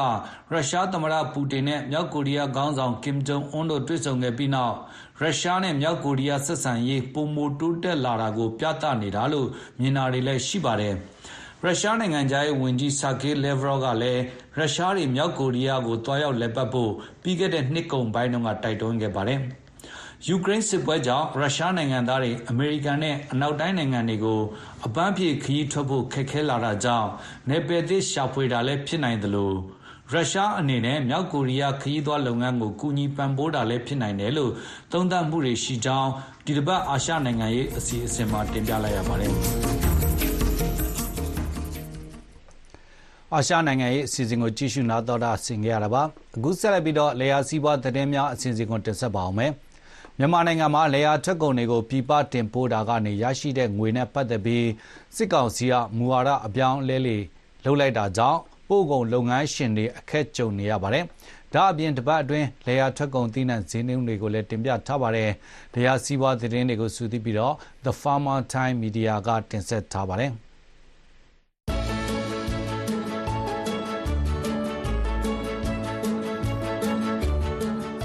မင်္ဂလာပါလေယာစီဝါသတင်းများစီစဉ်ကနေကြိုဆိုပါရစေ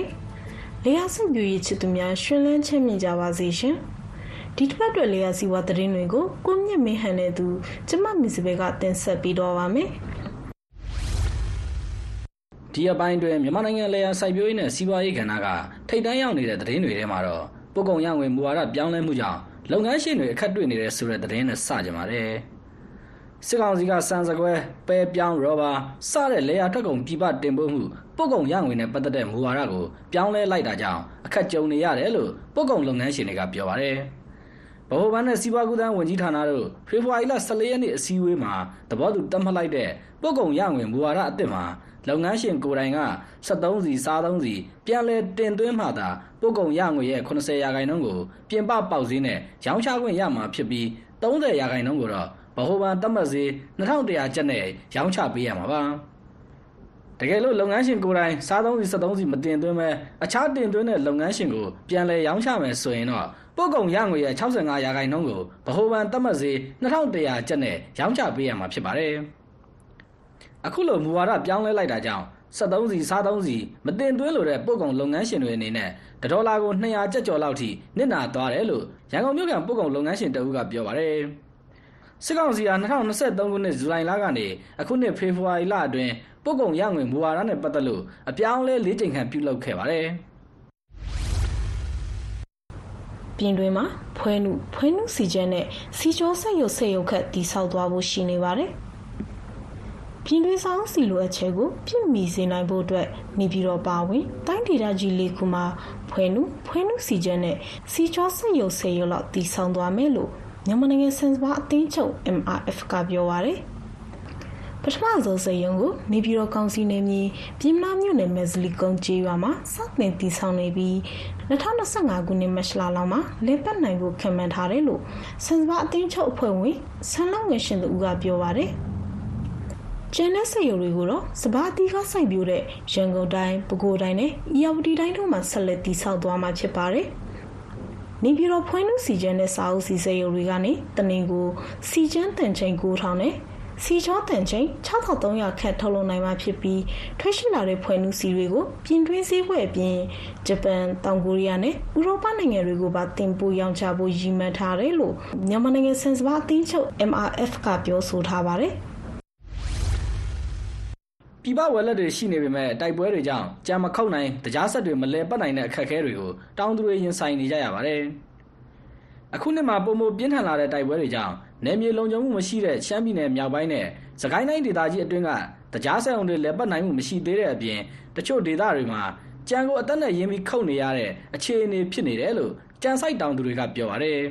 ။မြမတရားကိုဗီယက်နမ်အိန္ဒိယဘင်္ဂလားဒေ့ရှ်အင်ဒိုနီးရှားပါဝင်ပြည်ပနိုင်ငံတချို့ကဝယ်ယူလိုကြောင်းကမ်းလှမ်းမှုတွေရရှိထားပေမဲ့ပြီးခဲ့တဲ့ကြံကြိတ်ရာသီကတရားဆက်တွေအပြည့်အဝမလဲပတ်နိုင်ခဲ့တာကြောင့် ဗီယက်နမ်ဈေးကွက်တစ်ခုတည်းကိုသာတင်ပို့နေရတယ်လို့မြန်မာနိုင်ငံတရားနဲ့ကြံထွက်ပစ္စည်းလုပ်ငန်းရှင်များအသင်းကပြောပါတယ်။စားဈေးကွက်တွေကတော့တိတ်မပို့နိုင်သေးပါဘူး။ဗီယက်နမ်ပဲဒီကပို့နေတာ။ဒီဘက်ကပြည်ပစားတော့မှုလည်းခုလောအောင်လုပ်ရတယ်။ဒီတွင်းကလည်းနည်းနည်းလေးပေါ့ဖြစ်တယ်ပေါ့နော်။ဟိုထုတ်လုပ်မှုဆက်ဆက်ရှိတဲ့ဟာ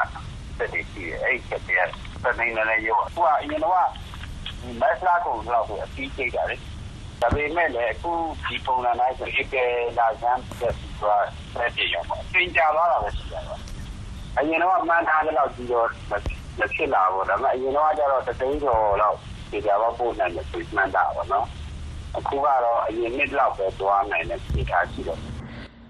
မြန်မာနိုင်ငံမှာ ကြံခောက်ယူ ကြိတ်ခွဲမှုကို နှစ်စဉ် နိုဝင်ဘာနဲ့ ဒီဇင်ဘာလတို့မှာ စတင်ဆောင်ရွက်လေရှိပေမဲ့ လက်ရှိမှာတော့တိုက်ပွဲတွေကြောင့်ကြံခောက်ရာသီကျော်လွန်နေပြီဖြစ်သည့်တိုင်မခောက်ယူနိုင်သေးတဲ့ကြံဆိုင်ကင်းတွေအများပြားကြံရှိနေသေးတယ်လို့တောင်သူတွေကဆိုပါတယ်။ကြံသီးနှံကိုစကိုင်းတိုင်းပဲခူးတိုင်းရှမ်းပြည်နယ်တောင်ပိုင်းနဲ့မြောက်ပိုင်းတို့မှာအဓိကစိုက်ပျိုးကြပြီးနိုင်ငံတော်ကတရားဆက်ရုံပေါင်း23ရုံကနေတစ်နှစ်ကိုပြန်မြတရားတန်ချိန်၄သိန်းခန့်ထုတ်လုပ်နေတာပါ။တိုက်ပွဲဖြစ်ပွားနေတဲ့စကိုင်းတိုင်းဒေသကြီးထီးချိုင်ဒေသမှာ ကြံဆိုင်တောင်သူ6000ကျော်ရှိပြီးအရင်ကကြံဆိုင်ခင်းတွေကနေနှစ်စဉ်ကြံတန်ချိန်3,000လောက်ထိထုတ်လုပ်ခဲ့တာဖြစ်ပါတယ်။ရှမ်းပြည်နယ်မြောက်ပိုင်းနောင်ချိုဒေသမှာလည်းတရားဆက်ရုံ၄ရုံရှိပြီးလက်တလုံးမှာတော့ငွေပလဲတရားဆက်ရုံနဲ့မိုင်းတရားဆက်ရုံတွေပဲလဲပတ်နေတာပါ။ ဒါပေမဲ့ရှမ်းပြည်နယ်မြောက်ပိုင်းကကြံဆိုင်တောင်သူတွေအနေနဲ့ကြံတွေမခုတ်နိုင်တဲ့အတွက်အရင်ရှုံးပြီးစီးပွားရေးနလန်ထူဖို့လည်းခဲရင်သွားပြီလို့ကြံဆိုင်တောင်သူကိုစိုးအောင်ကပြောပါတယ်။ကြံစက်တီကကြံစည်ကောင်းပြီးဝယ်နေကြတာပဲဗျ။ဟိုတတန်းကိုသိန်းခွဲထိဒီကတော့လက်ရှိပေါက်တယ်ဗောနော်။ဒါပေမဲ့ဟိုနေမီလုံးကြုံရင်းကြတော့လည်းမကောင်းဘူး။လမ်းမဆွတ်သွေးလည်းမကောင်းဘူးဆိုတော့ကျွန်တော်တောင်တို့ကဘာမှလုပ်လို့မရတာ။အ ရင်လည်းရှုံးတယ်အခုထိလည်းဟိုပါရတော့မှလို့မရသေးတော့စိတ်ပြက်လက်ပြက်နဲ့ပဲလုံနေရတော့ဗျာစကိုင်းတိုင်းနဲ့ရှမ်းမြောက်ကတရားဆက်တွေမလဲပတ်နိုင်တာကြောင့်2023-24ဘဏ္ဍာနှစ်ကြံကြိတ်ရာသီမှာလဲတရားအထွက်နှုန်းကမူလခံမှန်းထားတဲ့ရာထားချက်အောက်ကျဆင်းနေပြီးပြပတင်ပို့မှုလည်းရော့ကျမဲ့အနေအထားမှာရှိနေပါတယ်။ လက်ရှိပြည်တွင်းတရားဈေးကွက်မှာတရားတပိတ်သားကို3600ကနေ4000ကျပ်လောက်အတွင်းပေါက်ဈေးရှိနေပြီးကမ္ဘာတရားဈေးကွက်မှာတော့တရားတန်းကိုအမေရိကန်ဒေါ်လာ650လောက်ထိပေါက်ဈေးရှိနေတာကိုတွေ့ရပါတယ်အခုစပီဖေဖော်ဝါရီလ23ရက်နေ့ကနေ20ရက်နေ့ထိဈေးကွက်တွင်တဲချနိုင်မည်ဖြစ်သွားတယ်။လေယာထွက်ကုန်ဒီနံဈေးနှုန်းတွေကိုပြောပြပေးချင်ပါတယ်။ဖေဖော်ဝါရီလတတိယပတ်မှာတော့ပြင်တွင်းပေးစည်းတွေအနေငယ်ပြန်ကျဆင်းလာပါတယ်။ အသစ်ပေါ်ချိန်ဖြစ်တာကြောင့်ဈေးကွက်ထဲမှာအဝေးများပြီးဈေးကျဆင်းလာတာဖြစ်တယ်လို့ပွဲရုံတွေကပြောပါတယ်ရန်ကုန်ပြည်တော်ဈေးကွက်မှာအသိဝင်ရောက်မှုရှိပေမဲ့အဝယ်နေနေတာကြောင့်ပဲစင်ကုန်ရဲ့အာစီတတန်ကို39သိန်းကျပ်လောက်ထိပြန်ကျဆင်းသွားပါတယ်ဖေဖော်ဝါရီလဒုတိယပတ်မှာတော့တဒန်ကိုကျပ်သိန်း40ကျော်ထိပေါက်ရှိခဲ့ပြီးနှစ်ပတ်အတွင်းတဒန်ကိုတသိန်းနဲ့တောင်းဝန်းကျင်ပြင်ကျဆင်းသွားတာကိုတွေ့ရပါတယ် မြန်မာပဲစင်ကောင်ရဲ့အဓိကဝယ်လက်ဖြစ်တဲ့အိန္ဒိယနိုင်ငံမှာအခုနှစ်ပဲစိုက်ပျိုးထွက်ရှိမှုညွန်နေနေပြီးလိုအပ်ချက်မြင့်တက်နေတာကြောင့်မြန်မာပြည်တွင်းပဲစင်ကောင်ကမကြခင်မှာဈေးပြမြင့်တက်နိုင်တယ်လို့ကုန်သည်တွေကခန့်မှန်းထားကြပါတယ်။ကလဘဲအသစ်တွေဈေးကွက်ထဲဝင်ရောက်နေပေမဲ့လုပ်ငန်းသုံးသမားပဲအဝယ်ရှိနေတာကြောင့်ဈေးအနှဲငယ်ပြန်ကျဆင်းသွားပါတယ်။မန္တလေးကုန်စည်တိုင်းဈေးကွက်ရဲ့ဖေဖော်ဝါရီလ20ရက်နေ့ပေါက်ဈေးအရကလဘဲဗီဒူအသစ် 59.25ပိတ်တာဝင်တအိတ်ကို2,6,900ကျပ်ကလဘဲ929အသစ်ကတအိတ်ကို2,5,900ကျပ်ပေါက်ဈေးရှိပြီးတပတ်အတွင်းတအိတ်ကိုငွေကျပ်3,000ကနေ9,000ကျပ်ကြားဈေးကျဆင်းသွားတာကိုတွေ့ရပါတယ်။ပြောင်စေကနေမြင့်တည်ငြိမ်မှုကြောင့်နှဆက်ရောင်တွေရဲ့ထားဆဲဖြစ်လို့ဈေးဆက်တိုက်ပြန်ကျဆင်းနေပါတယ်။ ဖေဖော်ဝါရီလ20ရက်နေ့ရန်ကုန်စည်းကွက်မှာပြောင်းဆန်တပိတ်တာကို1080ကနေ1100ကျပ်ကြားပေါက်ဈေးရှိနေပြီးတစ်ဖက်အတွင်းတပိတ်တာကို90ကျပ်ဝန်းကျင်ဈေးကျဆင်းသွားပါတယ်။မန္တလေးစည်းကွက်မှာတော့ရှမ်းပြောင်းက45ပိတ်တာဝင်တဲ့အိမ်ကို93,500ကျပ်လောက်ပေါက်ဈေးရှိနေပြီးတပတ်အတွင်း300ကျပ်လောက်ထိဈေးကျဆင်းသွားတာကိုတွေ့ရပါတယ်။အခုတင်ဆက်ပေးထားတဲ့တည်နေစည်းနှုန်းတွေကအချိန်နဲ့မျှပြောင်းလဲမှုတွေရှိနိုင်ပါတယ်ရှင်။ VOA အစီအစဉ်တွေကိုရေဒီယိုရုံမြင်တန်းကြားတို့အပြင် YouTube စာမျက်နှာကနေလည်းနားဆင်ကြည့်ရှုနိုင်ပါတယ်။ VOA မြန်မာပိုင်း YouTube စာမျက်နှာလိပ်စာကတော့ youtube.com/voaburmese ဖြစ်ပါတယ်။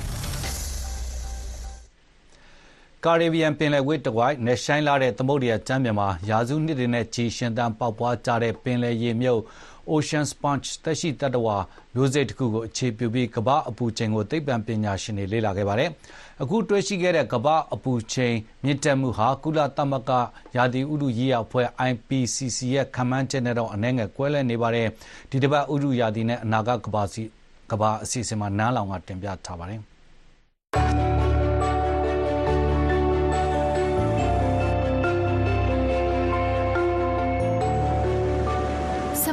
ကာလက ရှိခဲ့တဲ့ကမ္ဘာအပူချိန်ထက်1.5ဒီဂရီဆဲလ်ဆီးယပ်ကျော်မသွားအောင်လို့ကမ္ဘာတဝန်းဝိုင်းဝန်းကြိုးပမ်းနေပေမဲ့2020ခုနှစ်မှာတင်ကမ္ဘာအပူချိန်က1.9ဒီဂရီကိုကျော်လွန်ရောက်ရှိလာတယ်လို့သူတေသီတွေကပြောပါတယ်။တက်တန်းရင်ပင်လယ်ရေမြုပ်ကောင် sponge မျိုးစိတ်6ခုကိုလေ့လာခဲ့ကြတဲ့သိပ္ပံပညာရှင်တွေကရေထုအပူချိန်အက်ဆစ်ဓာတ်ပမာဏလေထုထဲကကာဗွန်ဒိုင်အောက်ဆိုက်ဓာတ်ငွေ့သိပ်သည်းမှုတွေပြောင်းလဲမှုတွေကိုအခြေခံလေ့လာခဲ့ကြတယ်လို့ Nature Climate Change ဂျာနယ်မှာဖော်ပြထားပါတယ်။အစီရင်ခံစာပူးတွဲရေးသားသူဖြစ်တဲ့ Western Australia တက္ကသိုလ်အဏဝါဓာတုဗေဒပညာရှင် Malcolm McCulloch ကအခုလိုရှင်းပြပါတယ်။ We've now have I think very definitive evidence that we've 2024ခုနှစ်အစမှာပဲကမ္ဘာအပူချိန်ဟာစက်မှုခေတ်ဦးကာလကထက်အပူချိန်1.8ဒီဂရီဆဲလ်ဆီးယပ်တက်လာတယ်ဆိုတော့ခိုင်မာတဲ့အထောက်အထားတွေရထားပြီးပါပြီ1.5ဒီဂရီထက်တော့ကျော်လွန်သွားပြီဆိုတာသိကြပါတယ် ကုန်းမြေပေါ်မှာရော သမုတ်တရားထဲမှာပါ အဲဒီလို အပြောင်းလဲတွေကလည်း ထင်ထားတာတဲ့ကို ပို့ပြီး မြန်ဆန်နေတာတွေ့ရပါတယ် သိအနည်းကြီးတဲ့အနာဂတ်ကို ကျွန်တော်တို့ဥတည်နေပါပြီ။ဒါကို ကာကွယ်နိုင်မဲ့တခုတည်းသောနည်းလမ်းကတော့ဖာလုံအိတ်တမ်းငွေထုတ်လုပ်မှုကို အရေးကြီး လျှော့ချမှ ဖြစ်မှာပါ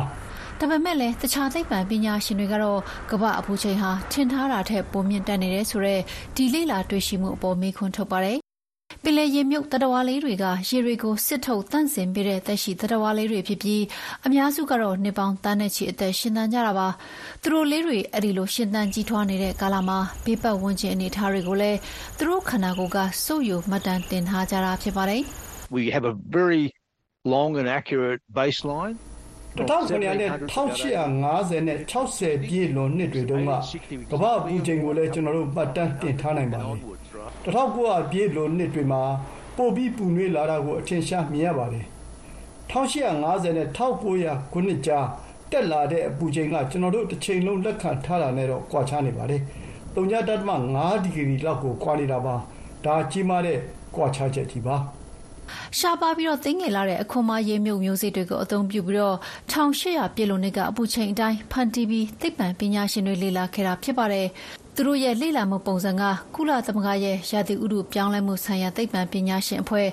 IPCC ကအသုံးပြုတဲ့ သိပ္ပံနည်းကျ လက်ခံထားတဲ့ပုံစံအနေနဲ့တော့ အတော့ကို ကွာခြားနေပါတယ်။1800ပြည့်လိုနှစ်တွေက အပူချိန်ဟာ ကနဦးခံမှန်းထားတာထက်3.5ဒီဂရီ စင်တီဂရိတ်လောက် အေးနေခဲ့တာကိုတော့ ဒီလေ့လာမှုမှာ တွေ့ပါတယ်။အင်ဒီယားနားစတိတ်တက္ကသိုလ် ခေဦးအနဝဗေဒပညာရှင်အာမုစ်ဝင်တာကလည်း အခုလို ဆိုပါတယ်။ I mean the sponges really are the heroes of this story because without them we'd have no story.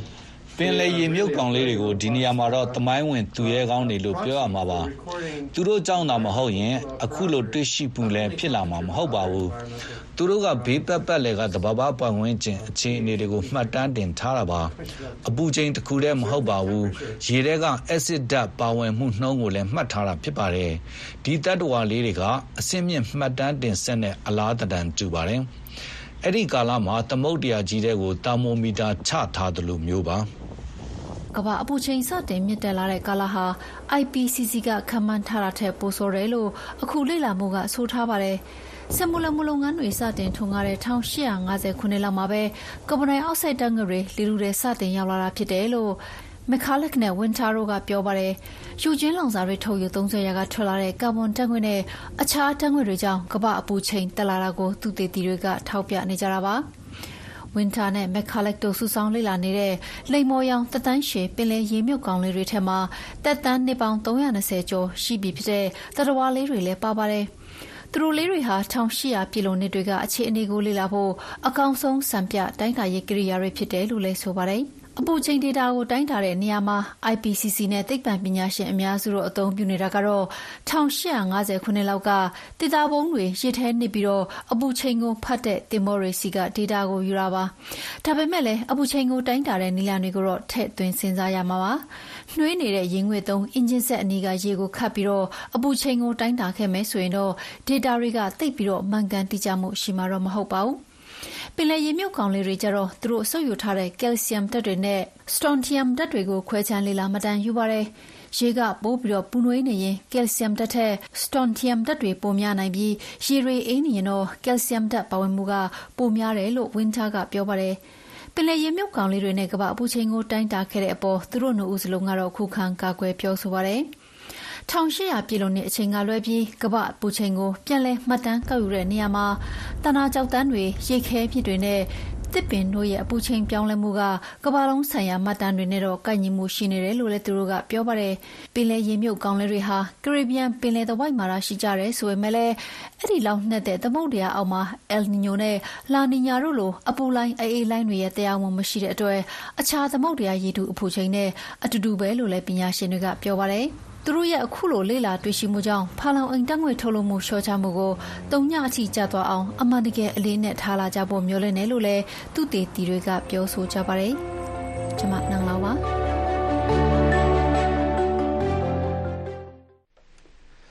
2024ခုနှစ်ဟာကမ္ဘာ့သမိုင်းမှာရွေးကောက်ပွဲအများဆုံးကျင်းပတဲ့နှစ်ဖြစ်တယ်လို့လေ့လာသူတွေကပြောဆိုကြပါတယ်။နိုင်ငံတစ်ခုလိုက်အထွေထွေရွေးကောက်ပွဲကြီးတွေကျင်းပတာအပြင် ပြည်တွင်းဒေသဆိုင်ရာ ရွေးကောက်ပွဲတွေလည်း အများစုကျင်းပပါတယ်။အနည်းဆုံး နိုင်ငံပေါင်း50 60ကျော်လောက်မှာ ကျင်းပမယ့် ရွေးကောက်ပွဲတွေအကြောင်းကိုတော့မညွန့်ညွန့်လင်က ဒီတစ်ပတ် သတင်းတွေကတုတအစီအစဉ်မှာ တင်ပြထားပါတယ်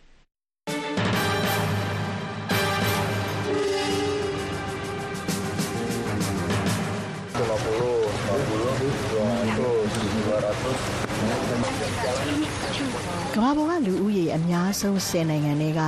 9နိုင်ငံအပါအဝင်နိုင်ငံပေါင်း90ကျော်မှာရွေးကောက်ပွဲကြီးတွေကျင်းပကြမှာမို့2024ခုနှစ်ဟာအခုအချိန်ထိကမ္ဘာသမိုင်းကြောင်းမှာရွေးကောက်ပွဲအများဆုံးကျင်းပတဲ့နှစ်ပါပဲလို့ကမ္ဘာသတင်းမီဒီယာတွေမှာရေးသားထားကြပါတယ်။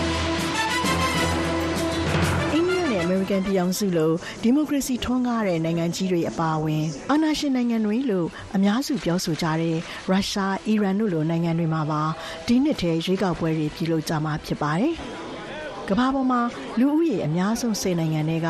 ထင်ရှားတဲ့9နိုင်ငံဖြစ်တဲ့အိန္ဒိယ၊အမေရိကန်ပြည်အောင်စု၊အင်ဒိုနီးရှား၊ပါကစ္စတန်၊ဘင်္ဂလားဒေ့ရှ်၊ရုရှား မက္ကဆီကိုတို့မှာရွေးကောက်ပွဲတွေကျင်းပကြတာမို့ကမ္ဘာပေါ်ကလူပေါင်း45ရာခိုင်နှုန်းတန်းပေါင်း4000ကျော်ကရွေးကောက်ပွဲတွေဆန္ဒခံယူပွဲတွေမှာမဲပေးကြမှာဖြစ်ပါတယ်။အခုတင်ဆက်မိုင်းဇန်နဝါရီလနဲ့ဖေဖော်ဝါရီလထဲမှာတင်ပဲလူဦးရေအများဆုံးကမ္ဘာအဆင့်၄မှာရှိတဲ့အာဆီယံနိုင်ငံတစ်ခုဖြစ်တဲ့အင်ဒိုနီးရှားလူဦးရေအများဆုံးကမ္ဘာအဆင့်9မှာရှိနေတဲ့ပါကစ္စတန် အဆင့်8မှာရှိတဲ့ဘင်္ဂလားဒေ့ရှ်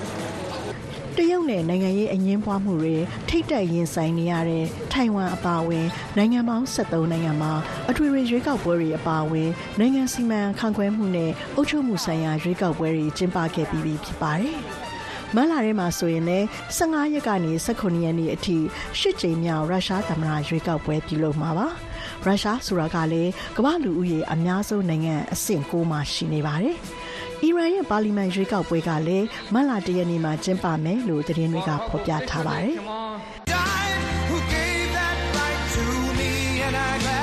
လူတွေစိတ်ဝင်စားမှုအများဆုံးနဲ့ကမ္ဘာနိုင်ငံရေးစီးပွားရေးစစ်ရေးတွေမှာအဓိကသက်ရောက်မှုတွေရှိတဲ့အမေရိကန်ပြည်ထောင်စုရဲ့သမ္မတနဲ့အထက်လွှတ်တော်အောက်လွှတ်တော်နှစ်ရပ်ရဲ့ကိုစားပြုအမတ်တွေရွေးချယ်ကြမယ့်ရွေးကောက်ပွဲကြီးကတော့နိုဝင်ဘာလ9ရက်နေ့မှာကျင်းပမှာပါ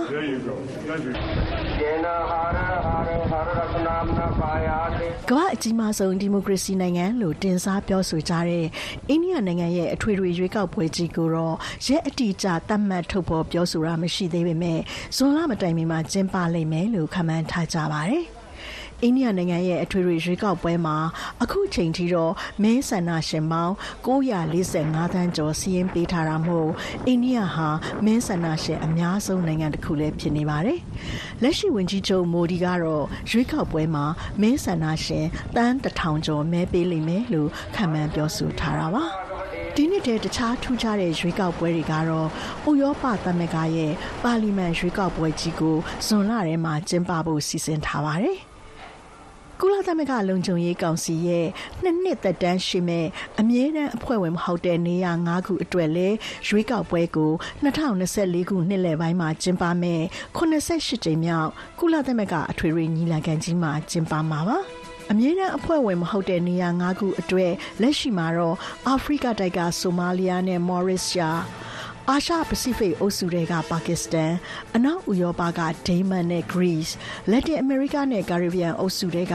ပနားမားတို့ကိုကိုယ်စားလှယ်နိုင်ငံလောင်းတွေအဖြစ်သတ်မှတ်ထားပါတယ်။ 2024ခုနှစ်ဟာကမ္ဘာမှာရွေးကောက်ပွဲအများဆုံးနှစ်ဖြစ်တဲ့အပြင်ကမ္ဘာနိုင်ငံရေးစစ်ရေးစီးပွားရေးအင်အားအကြီးမားဆုံးနိုင်ငံကြီးတွေရဲ့ရွေးချယ်ခံရမယ့်ခေါင်းဆောင်တွေပေါ်မူတည်ပြီးကမ္ဘာတစ်ဝန်းကနိုင်ငံရေးစီးပွားရေးစစ်ရေးအခင်းကျင်းတွေပါထူးထူးခြားခြားပြောင်းလဲသွားနိုင်မယ့်နှစ်တစ်ခုဖြစ်တယ်လို့လည်းလေ့လာသူတွေကသုံးသပ်ပြောဆိုနေကြတာပါရှင်။ VOA ရဲ့အတန်လွင့်အစီအစဉ်တွေကိုဆက်လက်ထုတ်လွှင့်နေပါတယ်အခုတော့သတင်းအချင်းချုပ်တွေကိုတင်ပြပေးပါအောင်မယ်